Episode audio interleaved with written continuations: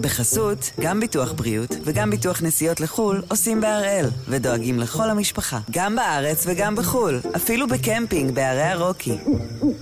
כן, גם שם, כפוף לתנאי הפוליסה וסייגיה ולהנחיות החיתום של החברה. היום יום שלישי, 23 בינואר, ואנחנו אחד ביום, מבית N12.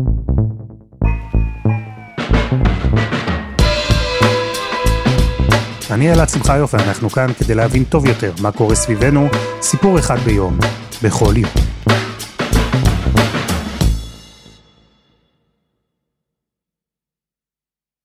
עשיתי חיפוש באינטרנט, ישיבת קבינט סוערת. להלן התוצאות הן חלקיות כי יש המון. עימות סוער בקבינט, שתוק לא דיברתי אליך. זו תוצאה אחת. ישיבת קבינט סוערת במיוחד, זו כבר כותרת שנייה. מאי גולן תוקפת מיזוגן ושוביניסט, שיקלי עקץ. ישיבת קבינט סוערת התרחשה אמש, קרב עקיצות בין גלנט לבן גביר. תקרית הפופקורן של השרה רגב בישיבת קבינט סוערת. אגיע גם להאג, זעם בן גביר בדיון סוער בקבינט. והתוצאה האהובה עליי במיוחד, שר העלייה והקליטה אופיר סופר בישיבה סוערת של הקבינט נקודותיים, ההדלפות מהקבינט הן חרפה. סוף ציטוט. ציטוט שהודלף כמובן. תראו, זה אולי קצת נאיבי לחשוב על הקבינט המדיני-ביטחוני במונחים האלה, אבל זה הרי אמור להיות קודש הקודשים של קבלת ההחלטות בהנהגה הישראלית, בטח בתקופה כזאת, תקופת מלחמה. ולפחות לצופה מהצד, זה שקורא את הציטוטים האלה, זה נראה בדיוק להפך.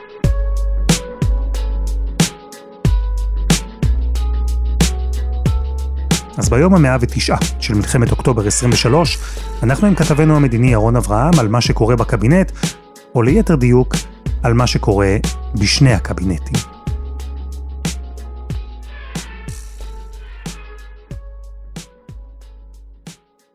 שלום ירון. שלום אלעד.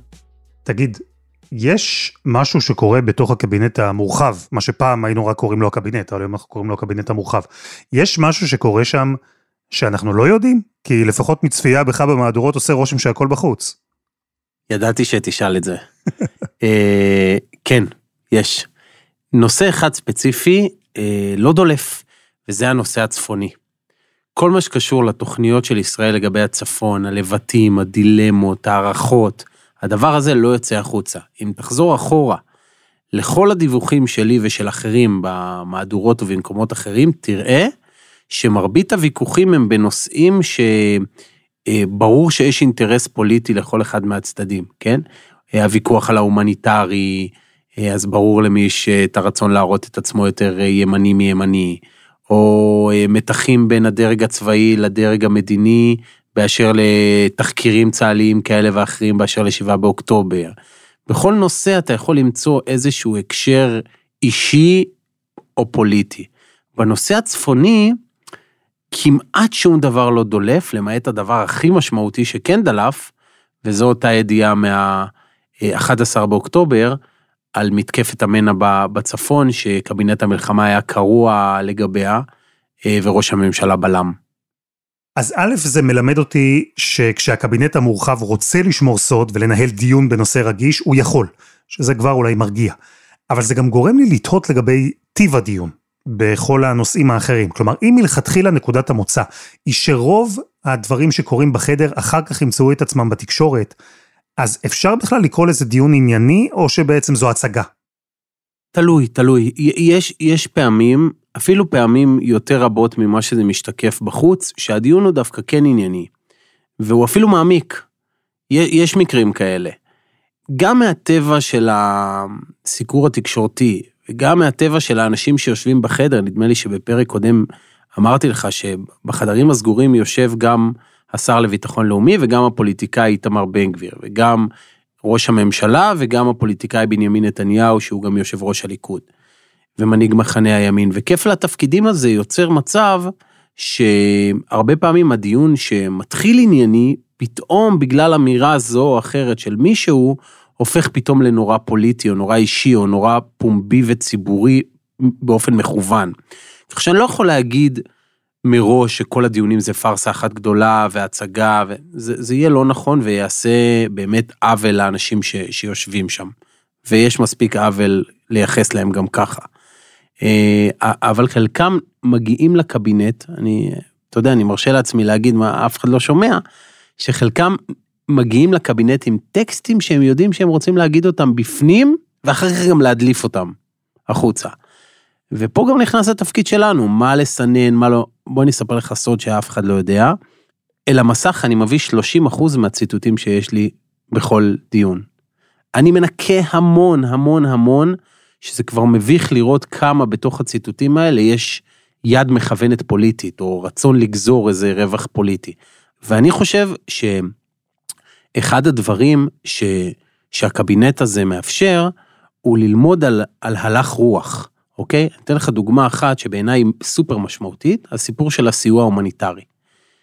עוד בישיבת הקבינט הראשונה, דלף משם שדרמר אומר לשרים, חברים, אם אתם לא תיתנו סיוע הומניטרי, לא יהיו לנו חימושים וארצות הברית לא תגבה אותנו בצפון. היום זה נשמע קונ... כמעט קונבנציה, כן? אז זה היה ממש חדש.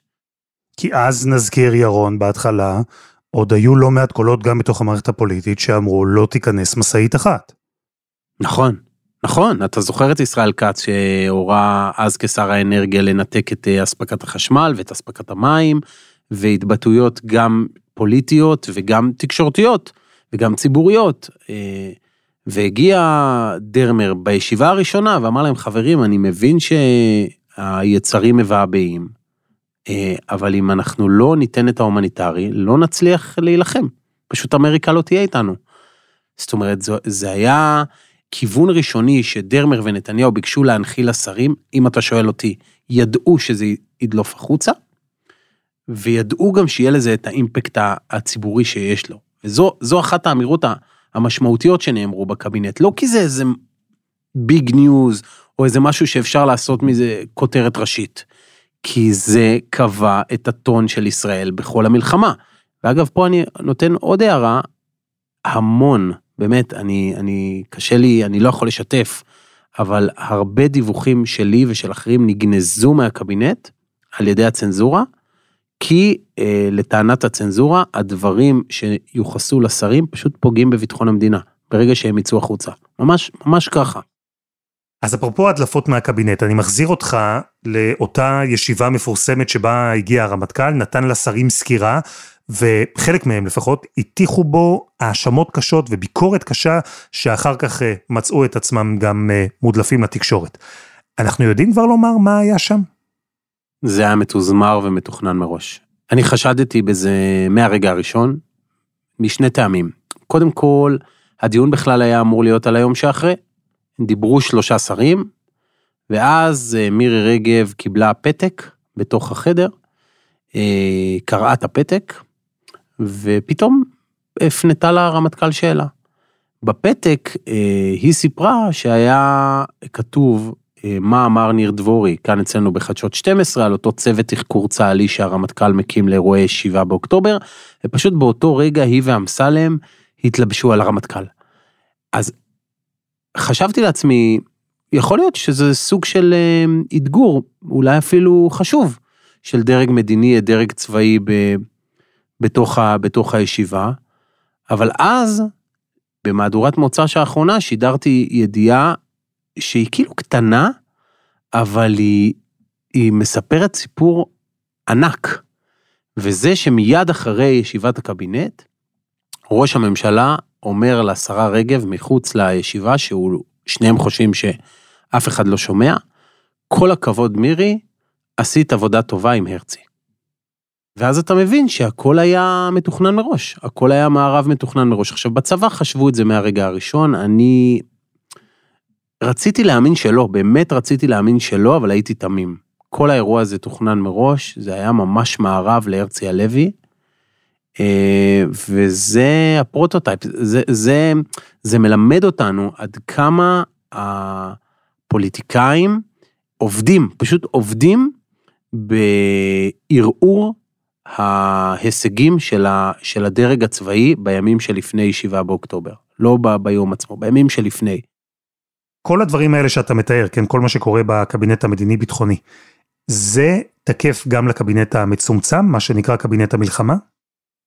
אני אענה על זה אה, באופן קצת אה, דו משמעי. מצד אחד, הקבינט, קבינט המלחמה הוא הרבה פחות פרוץ, הוא הרבה פחות דולף, באמת הדיונים שם, מכל מי שאני שומע הם דיונים באמת מקצועיים וטובים, והוא מתכנס בין פעמיים לשלוש בשבוע, וזה אינטימי, וזה, ורק מי שצריך להיות שם נמצא שם, ובאמת מנסים לשים את, ה, את האינטרסים הפוליטיים בחוץ, על אף שזה תמיד קשה. מן הצד השני, אתה יודע, אה, שידרנו גם משם ידיעות, ולא פעם ולא פעמיים ולא שלוש ולא ארבע, אז, אז גם שם יש תמיד חרך שאתה מצליח להיכנס בו כעיתונאי. זה יותר קשה. אה, דיון של קבינט המלחמה מאוד קשה להוציא מידע, אבל, אבל זה אפשרי. אבל סך הכל, אם אתה שואל אותי מה הצעד הכי חשוב שקרה בממשלה הזאת, או יותר נכון במלחמה הזאת מבחינה פוליטית, זה קבינט המלחמה. קבינט המלחמה הזה הוא ממש אה, הצלת, אה, הצלת, אני, אני חושב שהוא הצלת נפשות. אני לא רוצה לחשוב, פשוט לא רוצה לחשוב מה היה קורה אם הקבינט המדיני-ביטחוני המורחב היה מנהל את המלחמה הזאת. באמת לא רוצה לחשוב. תסביר. הקבינט המדיני-ביטחוני המורחב מורכב קודם כל מכל כך הרבה אנשים, שלכל אחד מהם יש את הניואנסים שלו. לבן גביר מאוד מאוד חשוב דווקא עכשיו להיות זה שאומר, אתם קבינט הקונספציה. אני אמרתי תמיד שצריך לתקוף את חמאס. אגב, יש לו קייס, כן, לא אפשר לא, לאהוב את זה ואפשר שלא, אבל זה באמת מה שהוא אמר. אתם אמרתם לי, אל תעלה להר הבית, כי יכסנו אריכס, ואז הוא... והנה הוא, מה שנקרא, כעס גם בלי שעליתי להר הבית. אה, ולסמוטריץ' יש את הרצון שלו מצד אחד להיות כן פרגמטיסט, מצד שני לבדל את עצמו מנתניהו. ובתוך הליכוד, אנשים שמרגישים שהיום שאחרי נתניהו אולי קרב, רוצים להיות קצת יותר ימין מימין. ונתניהו וגלנט והמתיחויות שלהם, אחד מושך לצד אחד לפעמים והשני לצד אחר. כלומר, יש שם ריבוי של שחקנים באופן כזה, שהופך את הרבה פעמים את הפוליטיקה אל המהות, ולא את המלחמה אל המהות. ובקבינט המצומצם, קבינט החירום, קבינט המלחמה, בסוף יש שישה שחקנים, כן? נתניהו, גלנט, גנץ, אייזנקוט, דרמר ודרעי. שדרמר הוא לא באמת פוליטיקאי ודרעי הוא לא שר, אז יש הרבה פחות אה, אינטריגות פנימיות אינהרנטיות. ולכן העובדה שהוקם הקבינט הזה, קבינט המלחמה המצומצם, שהוא הרבה יותר מקצועי והרבה יותר מוכוון למלחמה והרבה פחות פוליטי, אני ממש חושב שהוא הצלת נפשות, לא, לא פחות מזה. אה, זה ההסבר שלי.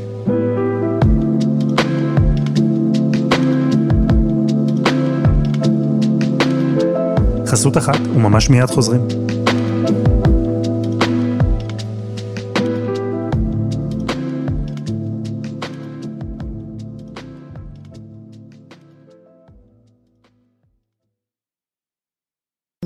בחסות, גם ביטוח בריאות וגם ביטוח נסיעות לחו"ל עושים בהראל, ודואגים לכל המשפחה, גם בארץ וגם בחו"ל, אפילו בקמפינג בערי הרוקי. כן, גם שם, כפוף לתנאי הפוליסה וסייגיה ולהנחיות החיתום של החברה. ירון, נכנסנו אל החדר שבו מתכנס קבינט המלחמה, דיברת על החשיבות של הפורום הזה, על האופן שהוא מקבל את ההחלטות המהותיות, איך הוא מנהל את הלחימה ומעצב את האסטרטגיה הישראלית. אבל כל הדברים החשובים האלה לא מלמדים אותי על היחסים שבין האנשים שיושבים שם. כי בסוף בקבינט המלחמה יושבים יריבים פוליטיים זה לצד זה, נתניהו, גנץ, אייזנקוט, גלנט, אנחנו יודעים הרי מה טיב היחסים שלו גם עם נתניהו מצד אחד, וגם ההיסטוריה עם גנץ ואייזנקוט. בסוף, בתהליך קבלת ההחלטות, בדיונים, עזוב רגע הדלפות לתקשורת, בסוף האנשים האלה מנהלים מערכת יחסים קונסטרוקטיבית שם, בתוך החדר?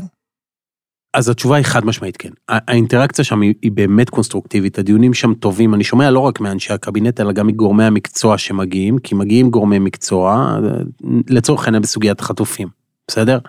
אז, אז, אז יש גורמי מקצוע שמלווים את, ה, את הקבינט הזה, את קבינט המלחמה, והם מתרשמים שהדיונים טובים ומקצועיים ו, ומועילים ומקדמים, ו, אבל יש גם ויכוחים. הוויכוח האחרון הוא ויכוח דרמטי.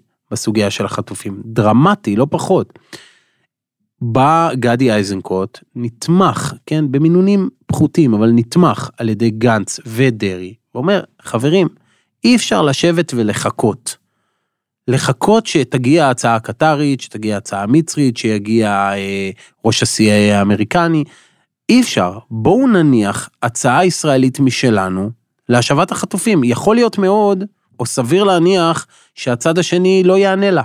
אבל לפחות אנחנו לא נהיה הסרבנים, גם פנימה, כלפי הציבור שלנו, וגם כלפי המדינות המתווכות וכלפי ארצות הברית. בואו אנחנו נעשה את הצעד. זה מה שאומר אייזנקוט. מצד שני, גלנט ונתניהו אומרים, אין טעם להציע הצעה משלנו, כי אנחנו נחשק את עצמנו בעמדות שלא בטוח נצטרך להסכים להם בהמשך. אז זה ויכוח שהוא אולי יצרי, אולי מורכב, אולי מגיע גם לטונים גבוהים לפעמים, אבל הוא מהותי. הוא מהותי והוא קונסטרוקטיבי. ו- וככה זה צריך להיות. אתה יודע, אמ, אחד הדברים שנתניהו נורא רצה לעשות, שהוא הקים את הממשלה הזו בימים שלפני 7 באוקטובר, זה להקים מטבחון. אתה זוכר את זה? הוא ממש רצה להקים מטבחון מצומצם, כי הוא מאמין שזו הדרך, באמת הוא מאמין שזו הדרך המועילה ל- ל- לנהל את, אה, את העניינים שקשורים ל- לענייני החוץ והביטחון של ישראל. אבל זה לא התאפשר לו, כי בא סמוטריץ' ואמר, רגע, מה, אני לא אהיה חלק מ- מקבינט כזה, ממטבחון כזה, אני שר במשרד הביטחון. ובא בן גביר ואמר לו, רגע, מה, אני השר לביטחון פנים, הגיוני שאני לא אהיה בתוך קבינט כזה? והרעיון נגוז. אבל אה, זאת השיטה של נתניהו לנהל, אני קורא לזה הקבינט שבתוך הקבינט. כן, הוא, הוא אוהב את זה, אה, לבשל את ההחלטה ולהביא אותה אחר כך למקום המורכב יותר, לתת לשרים לפרוק, להגיד מה שהם רוצים ובסוף להצביע על, ה, על ההצעה שהוא כבר בישל והוא ידע שיהיה לרוב. אז, אז במובן הזה אני כן חושב, קבינט המלחמה הוא קבינט קונסטרוקטיבי, הוא קבינט טוב, יש שם ויכוחים, זה ממש לא העוצמות והפוליטיקה שיש בקבינט המדיני-ביטחוני המורחב. אבל בכל זאת אני מתעקש, כי זה שהפורום הוא מצומצם והוא מנוסה והוא פורום טוב לקבל החלטות והעבודה ביחד היא עניינית, זה דבר מצוין, באמת. אבל הרי רק בשבוע שעבר גדי איזנקוט התראיין לאילנה דיין בעובדה, ואיים לפרק את העסק. אתה יודע היום מה הקו האדום שלך? אני יודע מה הקו האדום שלי. הוא קשור אה, גם לחטופים, זה אחת המטרות, אבל הוא קשור גם לאופן שבו צריך, לסי... צריך לנהל את המלחמה הזאת. אתה משוכנע לגמרי ש... אז מה, כשמגיעים לקבינט המלחמה, הפוליטיקה נעצרת בדלת? הפוליטיקה לא עוצרת בדלת, היא פשוט נמצאת ב... ממש ב... במינונים קטנים יותר. אה, אני אתן לך דוגמה שנורא נורא הפתיע אותי, אני זוכר ששאלתי את מי שסיפר לי ואחר כך גם הצלבתי את הידיעה, לפני שבוע, כשבלינקן הגיע לארץ בפעם האחרונה, אז הוא, הוא, הוא דיבר עם חברי קבינט המלחמה בתוך החדר על כמה חשוב שהם יישארו כולם באותה ממשלה, בממשלת חירום. בלינקן, ארה"ב, כן? בתוך קבינט המלחמה. ובדיון עוקב, גלנט פנה, אתה זוכר שהוא עשה את זה גם במסיבת עיתונאים, אני פונה לראש הממשלה ולשר גנץ, לשני השחקנים המרכזיים, הוא עשה את זה גם בתוך קבינט המלחמה. אמר להם, חברים, רגע, פאוזה מכל התוכניות המבצעיות, רוצה להגיד משהו שאני חושב שהוא קריטי לביטחון, שנישאר ביחד. עכשיו, זה הכי פוליטי שיש. אין פוליטי מזה, וזה בתוך קבינט המלחמה. אז... אה, אז בגלל זה אני חושב שעשיתי את ההבחנה בהתחלה, שהוספתי את המילה אישי לפוליטי, בקבינט המדיני המורחב. שם יש המון המון אישי, המון אישי. כל אחד מושך לכיוון שלו כל הזמן. בקבינט, בקבינט המלחמה זה פוליטי, כי בסוף יש שם שני מחנות שונים שהם גם יתנגשו בסופו של דבר, זה לא יימשך לנצח השותפות הזאת, וברור שגנץ הוא ה... הוא הקורא תיגר האמיתי על נתניהו, שלא לומר הפוך, נתניהו הקורא תיגר האמיתי על גנץ. ולכן אה, זה קיים שם, אבל בעוצמות אה, פחותות. אתה יודע, אבל בחירות, לי לפחות זה נשמע כמו שיח שהוא עדיין נמצא בשוליים, נכון? לפיד קרא אתמול לראש הממשלה לקבוע תאריך לבחירות מוקדמות, הוא אמר שממילא זה יקרה, אבל ברור שאנחנו כרגע לא נמצאים במצב שבו אנחנו נהיה אחרי המלחמה. אז השאלה אם בחירות זה בכלל נמצא בקלפים כרגע, זה משהו ריאלי שישראל תלך לבחירות? בשלב הנוכחי שבו גנץ ואייזנקוט נמצאים בתוך הממשלה, זה ברור לכל שהדינמיקה לא הולכת לבחירות. כי ברגע שיש עוגן מהצד השני של המפה הפוליטית, בטח עוגן שעל פי חלק מהסקרים שלו 37 מנדטים, אז, אז, אז יש לגיטימציה לגוף הזה שנקרא ממשלת ישראל הנוכחית. ברגע שגנץ ואייזנקוט פורשים, זה כאילו נותן את ה-Q להרבה דברים לקרות.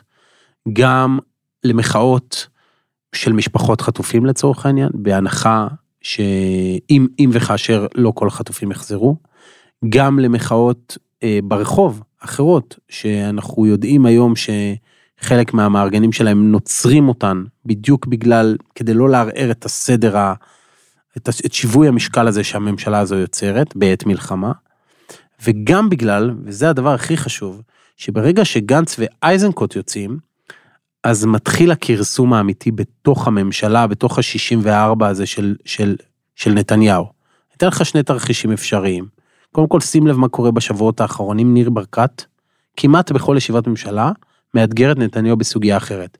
פעם הצפון, פעם האמריקאים, פעם ההומניטרי, ממש בקמפיין להחליף את נתניהו. עכשיו, אני מקווה שברור לך שהוא לא לבד. הוא אולי ה leader של הדבר הזה, אבל יש עוד קולות בליכוד שאחרי שבעה באוקטובר אומרים, הוא כבר לא יביא לנו שלטון שוב. הוא לא יביא. אז אולי זה הרגע, אולי זה הרגע, באמת, אנחנו מדברים על הרגע הזה שנים, אולי זה באמת הרגע לקפוץ מהספינה, או לנסות להציל את הספינה הטובעת. אז הפרישה הזאת של גנץ ואייזנקוט תניע מהלכים בטח בליכוד, בטח ברחוב, ולדעתי היא גם תניע תהליכים אצל שותפיו של נתניהו, כי קח לדוגמה את איתמר בן גביר, שדיברנו עליו קודם. הוא צריך למצוא את הטיימינג הפוליטי הנכון, שבו הוא פורש ואומר לא נתנו לי, ניסיתי, עשיתי הכל. גם כשהם היו אחרי השבעה באוקטובר מוכי טראומה, הם עדיין לא שינו את הקונספציה. הם עדיין הלכו עם האמריקאים במקום עם הציבור הישראלי. הם עדיין הכניסו הומניטרי למחבלים. הם עדיין לא מוטטו את חמאס. כשהוא ירגיש שזה הרגע הנכון לעשות את זה ציבורית, כדי למנף את עצמו בבחירות הבאות, כי אחרת הוא מושמד, אז אין לנתניהו ממשלה. וזה יכול, בקיצור, זה סוג של מדרון חלקלק, שהאבן הראשונה שמתגלגלת בו, היא אייזנקוט וגנץ בסדר הזה. אה, זה יהיה ביחד לדעתי, הם יפרשו ביחד, כן? זה לא יהיה מעשה נפרד של אייזנקוט, אבל אייזנקוט יהיה זה שיניע את התהליך. ואין לדעת איך התהליך הזה מסתיים במורד המדרון הזה. כלומר, לפי מה שאני שומע ממך, ההחלטה, מה, כבר התקבלה? אני חושב שההחלטה נצורה. כרגע הם סבורים שהיציאה שלהם מהממשלה תזיק יותר למדינה מאשר תיטיב איתה. אבל אני חושב שככל שנוקף הזמן, שעון החול שהם הציבו לעצמם אוזל. תראה כמה החלטות רגישות ומשמעותיות לא התקבלו. מתי מחזירים את התושבים לצפון? מה הדדליין שאתה נותן למשא ומתן בצפון לפני פעולה? איך מחזירים את התושבים בדרום? מה יהיה ביום שאחרי? האם הולכים לתהליך נורמליזציה כדי להפיק מהלימון של השבעה באוקטובר סוג של לימונדה? מה המשמעות אה, של הדבר הזה לגבי היחסים עם אה, מדינות ערב וארצות הברית? מי יהיה ברשות, מי יהיה בעזה ביום שאחרי. יש שורה של שאלות שהקבינט הזה נמנע מלקבל בהן החלטות, כי נתניהו לא רוצה לקבל בהן החלטות. השאלה מה, מה יהיה הקו שבו גנץ ואייזנקוט יגידו, זהו, כל הישארות שלנו עכשיו כאן מועילה לא פוליטית ופחות למדינה. כרגע בתמהיל, הם סבורים שהם צריכים לבלוע את כל הצפרדעים. את הפרת החוזה איתם בסוגיית המפכ"ל וקטי פרי ו... והעברות הכספים למשרדי הממשלה והכספים הקואליציוניים, את כל זה הם בולעים כי זה היה גל... גלום במוצר, הם ידעו לאן הם נכנסים. אבל ברגע שהם ירגישו לדעתי שהשהות שלהם בקבינט המלחמה כבר מזיקה במובן הזה שהיא נותנת לממשלה של נתניהו אוויר פוליטי ללא דיבידנד ממשי בשדה הקרב, זה יהיה הרגע שהם יצאו. טוב, אבל עכשיו הם עדיין כולם עובדים ביחד, והקבינט צריך להכריע בצומת או אה, בצמתים מאוד מרכזיים במלחמה. לאן ואיך ממשיכים בלחימה, עסקת חטופים חדשה שאולי נמצאת על הפרק, הפסקת הלחימה כן או לא, יש הרי המון החלטות. אז איך זה מתנהל? קח אותי לתוך הדיונים בקבינט. תגדיר קבינט. אלעד. החשוב. כבר 30 דקות, אנחנו 20 דקות לתוך השיחה. הקבינט שקובע, לא זה שמאשר. אז אה, בקבינט המלחמה, אולי בניגוד למה שמשתקף בחוץ, יש קונצנזוס שישראל לא צריכה לעצור את הלחימה עכשיו. נכון זה קצת מפתיע אותך? כי לכאורה בחוץ זה נשמע שאייזנקוט אומר בואו נעצור נביא עסקה בכל מחיר. זה לא מה שהוא אומר. אייזנקוט לא אומר בוא נעצור את הלחימה עכשיו. הוא אומר בוא ניכנס לתהליך שבסופו של דבר, יכול להיות שזה יהיה עוד חודש, יכול להיות שזה יהיה עוד שלושה חודשים, יכול להיות שבסוף, כדי להביא את כל החטופים הביתה, נצטרך לעצור את הלחימה. יכול להיות, אבל ממש לא עכשיו. עכשיו צריך להמשיך. זה, זה, זה קונצנזוס בדרג המדיני והצבאי. אף אחד לא חושב שצריך לעצור. אני חושב שה, שהמחלוקת היא מחלוקת ש, שאולי צפה עכשיו, אבל היא תהיה רלוונטית בעוד חודשיים. למה אני מתכוון? יגיע הרגע, כשניכנס בעזרת השם לתוך מתווה של עסקה, שיכול להיות עסקה שתימשך על פני כמה חודשים או כמה שבועות, כי ברור שחמאס לא ישחרר את כל החטופים ביחד, הוא יעשה את זה במנות, בפעימות. יגיע הרגע, במורד הדרך או במעלה הדרך, שישראל תצטרך לבחור.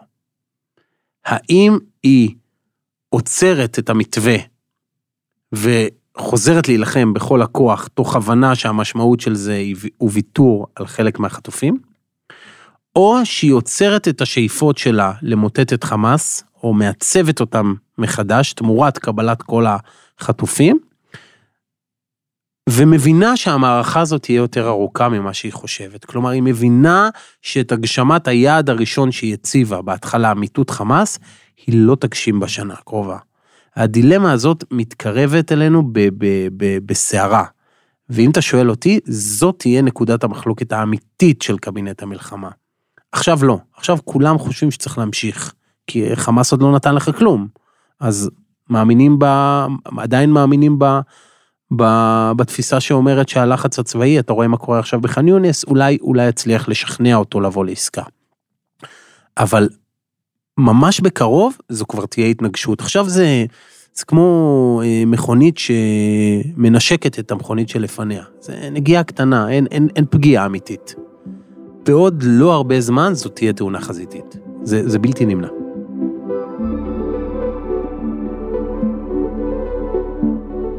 ירון אברהם, תודה. תודה אלעד.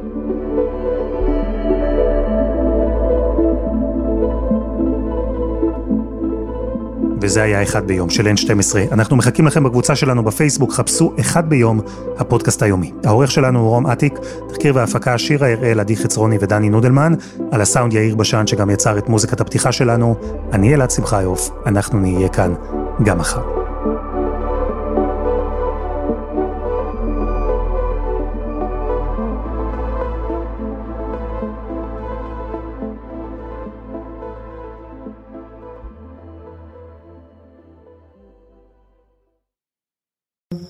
בחסות, גם ביטוח בריאות וגם ביטוח נסיעות לחו"ל עושים בהראל, ודואגים לכל המשפחה, גם בארץ וגם בחו"ל, אפילו בקמפינג בערי הרוקי.